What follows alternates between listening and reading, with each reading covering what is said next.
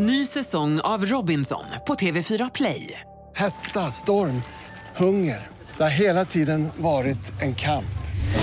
Nu är det blod och tårar. Fan händer just nu. Det. är Detta är inte okej. Robinson 2024, nu fucking kör vi! Streama söndag på TV4 Play.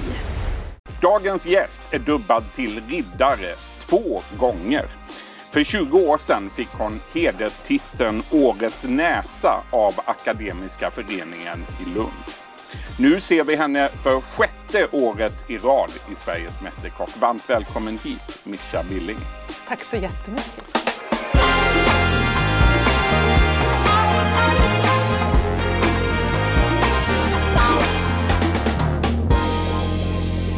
Du Mischa, vi börjar från början. Du föddes 1966 i Lund. Mamma och pappa jobbade mycket. De drev ICA-butiker. Pappa var ordförande för ICA i Sverige. Hur skulle du beskriva din uppväxt? Ja, som, eh, nej men de, de, ja, mamma var ju hemma när, i början så att säga när vi var små då. Och sen så tog hon ju också över en ICA-butik då. Så det var ju mycket ICA. Så vi lekte ju med de här Monica och Ikander.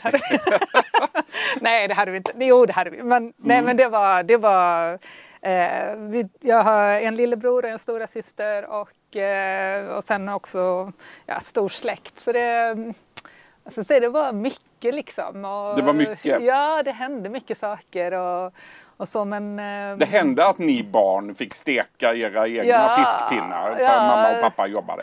Ja, pappa jobbade ju väldigt mycket och var ju väldigt driven och så här. Och sen så mamma då när hon också klev in och började jobba så ja, men då skötte vi oss lite själva och sådär. Och, och det, ja, det var Ja, men det var en bra barndom. Ja. Du hamnade i alla fall sen då på den kända Lunda krogen Petri Pumpa. Hur minns du den tiden? Ja, jag minns ju att först när jag sökte jobb där så fick jag ju inte det, för jag hade ju ingen erfarenhet. Men sen ringde ju då Thomas Strejing som eh, ägare och kock och som drev det där och han eh, hörde ju av sig efter två veckor och sa att de ändå såg en potential hos mig. Jag tror inte de hittade någon annan. så, att, så då fick jag börja eh, i matsalen var det som jag och eh, var liksom, ja Nisse kan man väl säga. Jag fick börja med att hälla vatten och gå med kaffe och ta emot jackor. Och... Vad lärde du dig där under ja, de åren? jag lärde mig otroligt mycket. Alltså dels blev jag ju, jag var ju där under en väldigt lång period och det beror ju på att jag följer helt eh, handlöst. Jag blev ju förälskad i, i att vara i matsalen och den energin som är i matsalen. För mig är ju att vara i en matsal som gäst eller att arbeta där, det är ju, det är ju ett rum fullt av liv. Liksom. Och, och där är ju en otroligt härlig energi och sen så då också att man man, man möts och det, ja, det händer någonting. 1993 då checkade du ut från restaurangakademin i mm. Stockholm ja. efter att ha specialiserat dig på kombinationen mat och dryck. Varför blev det en kombination? Egentligen var det att jag utbildade mig till sommelier och eh, man kan ju säga att sommeliens eh, kompetens det är ju att kombinera, att kunna sätta saker i sitt sammanhang. Alltså då att kunna, om du har ett vin eller en dryck, att när ska jag använda den här? Eller om köket gör någon rätt, hur ska jag parera den med en dryck? Och när kommer det i, i själva ätandet i restaurang. Alltså för mm. gästen så att säga. Är det en förrätt, en varmrätt eller är det ett avslut? Eller om man då kanske är en större meny då måste man ju tänka mer avancerat. Att, eh, det kanske blir jättetråkigt om allting ska gifta sig om man äter då väldigt många rätter. Då kanske man behöver sticka in med någonting som är ganska salt någonstans eller som har en otrolig friskhet. Eller så, så man, hur jobbar man med de här smakerna? Så det var det jag utbildade mig till sommelier helt enkelt. Mm. Och 1999 då blev du ordförande i den svenska sommelierföreningen. Ja. Några år senare också i eh, sommeliernas världssamfund. Ja, jag var generalsekreterare för, Just det. för det. Jag har läst att du provar cirka 6000 viner om året. Ja, det var, är det verkligen sant? inte nu längre. Eh, jag gjorde det under ganska många år eh, och då var jag ju då eh, ja, dels hade jag de här uppdragen inom sommeliervärlden men då skrev jag ju också för väldigt många olika tidningar. Jag var ju på Allt om mat, jag var på Damernas Värld, jag var på TT Och jag var på... Det är 6000 viner. Det är 16 viner om dagen alla dagar, du året vet- runt. Ja, nej, men, jag hade ju en otroligt glad tandläkare under Ja, den du- perioden. I och med att det frätte så jag fick ju gå och få sån här fluorlack lite då och då. Ja, det var barn. till och med så. Ja, nej. Om du skulle ge ett enkelt vintips nu då till den som eh, planerar att sno ihop en snabb korv och stroganoff till ungarna som kommer hem från skolan. Om man vill ha, om man vill ha de ett glas, vin? Nej, men om man vill ha ett glas vin efter att ha fixat maten.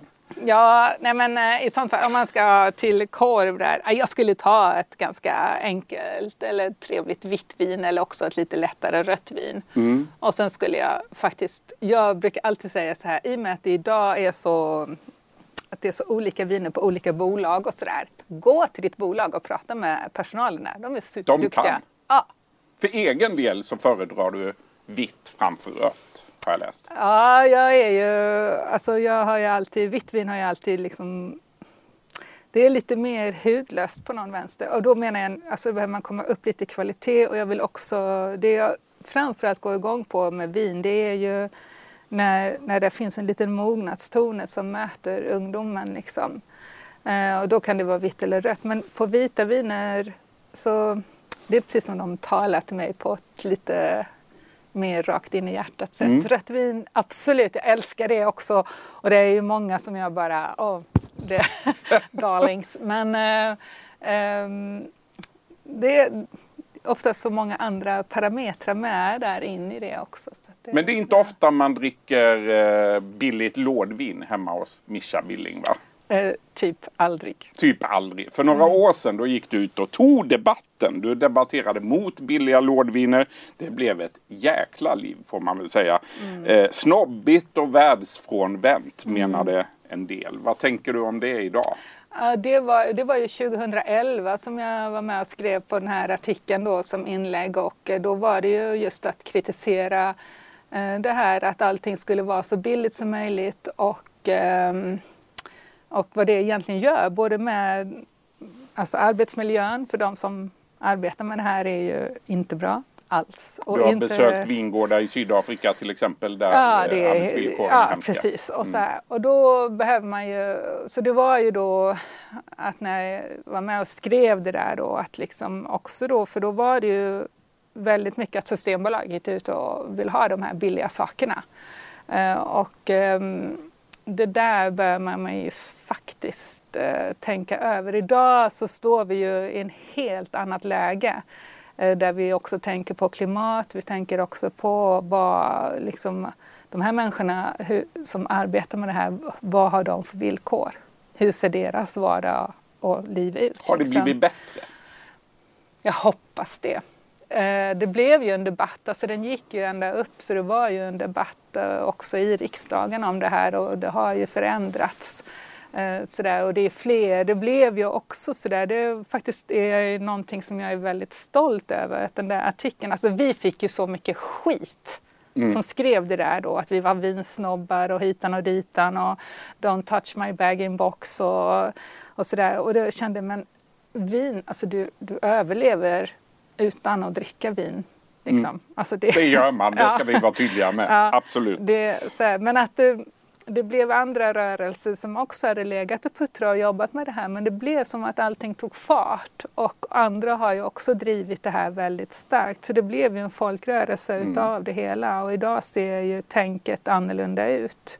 Och det är verkligen en sån där, ja men jag var med där på Ja. ett hörn.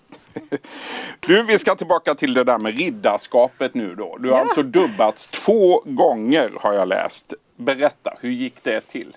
Ja, första gången eh, var ju när jag blev medlem i Kommanderi de Bordeaux. Att jag då, då, då dubbas man in i det här. Det är liksom ett sällskap för och, eh, vinälskare som då värnar extra mycket om Bordeaux-vinerna i Frankrike. Och det gör du? Ja, det gör jag. Eh, och eh, sen, eh, så att, och det är ju väldigt fint. Det är ju med såna här caper och med så här svärd och man lite så här väldigt ceremoniellt och alla är lite fnissiga också. det kan jag förstå. ja. Och andra gången samma sak fast då med champagne. Sen har du en hederstitel till, gånger två. Årets näsa som utses av Akademiska föreningen och Nassoteket i Lund. Och Nassoteket det startades av komikern och regissören Hasse Alfredsson. Din näsa den är alltså avbildad både i Lund och eh, här i Stockholm. Ja. Hur gick detta till? Ja, första gången var ju i Lund och då var det för mina insatser för det akademiska livet i Lund där jag då hade varit och väldigt behjälplig med mina vinkunskaper och rekommenderat och till större fester och ja, varit generös med det.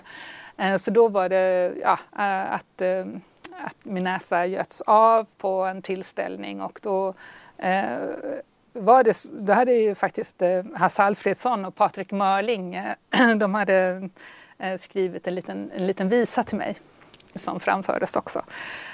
Så att, och sen så att den hänger, näsan hänger på Akademiska föreningen i Lund. Det var 1996 andra, det? Ja, precis. Och, och sen andra gången var en tävling som gjordes på Spritmuseum eh, och där man skulle pricka olika snapsar. Man fick dofta på dem och sen så först visste man vilka det var och så doftade man på dem och sen så togs det ut och så kom det in ett mindre antal, fem tror jag det var, och så i en annan ordning och så skulle man bara dofta och säga vilka det var. Och, och du prickade alla? Ja, och jag var sådär, alltså det är också en sån där liksom när man bara så sätter det och så, så här, fem sekunder. Hur är det ens klar. möjligt att lukta på fem snapsar i rad och sätta vad de... Alltså jag förstår inte. Ja men du, alltså då... Jag jobbar ju med det här och då provar jag extremt mycket Eh, och var ju inne i det där liksom mm. på det sättet och sen hade jag ju en väldigt bra dag. du hade en väldigt bra dag också. Dricker du snaps ja. själv ofta? Mm. Nej. Nej, inte ofta men vid, vid de här högtiderna i Sverige när vi alltid har Vid jul då dricker du lite snaps? Ja, gärna. Hörni, säsong 10, nu kör vi! Och nu är vi här igen för att hitta de absolut bästa amatörkockarna i Sverige. Hej mamma! Och alla har samma dröm att en dag få laga mat professionellt.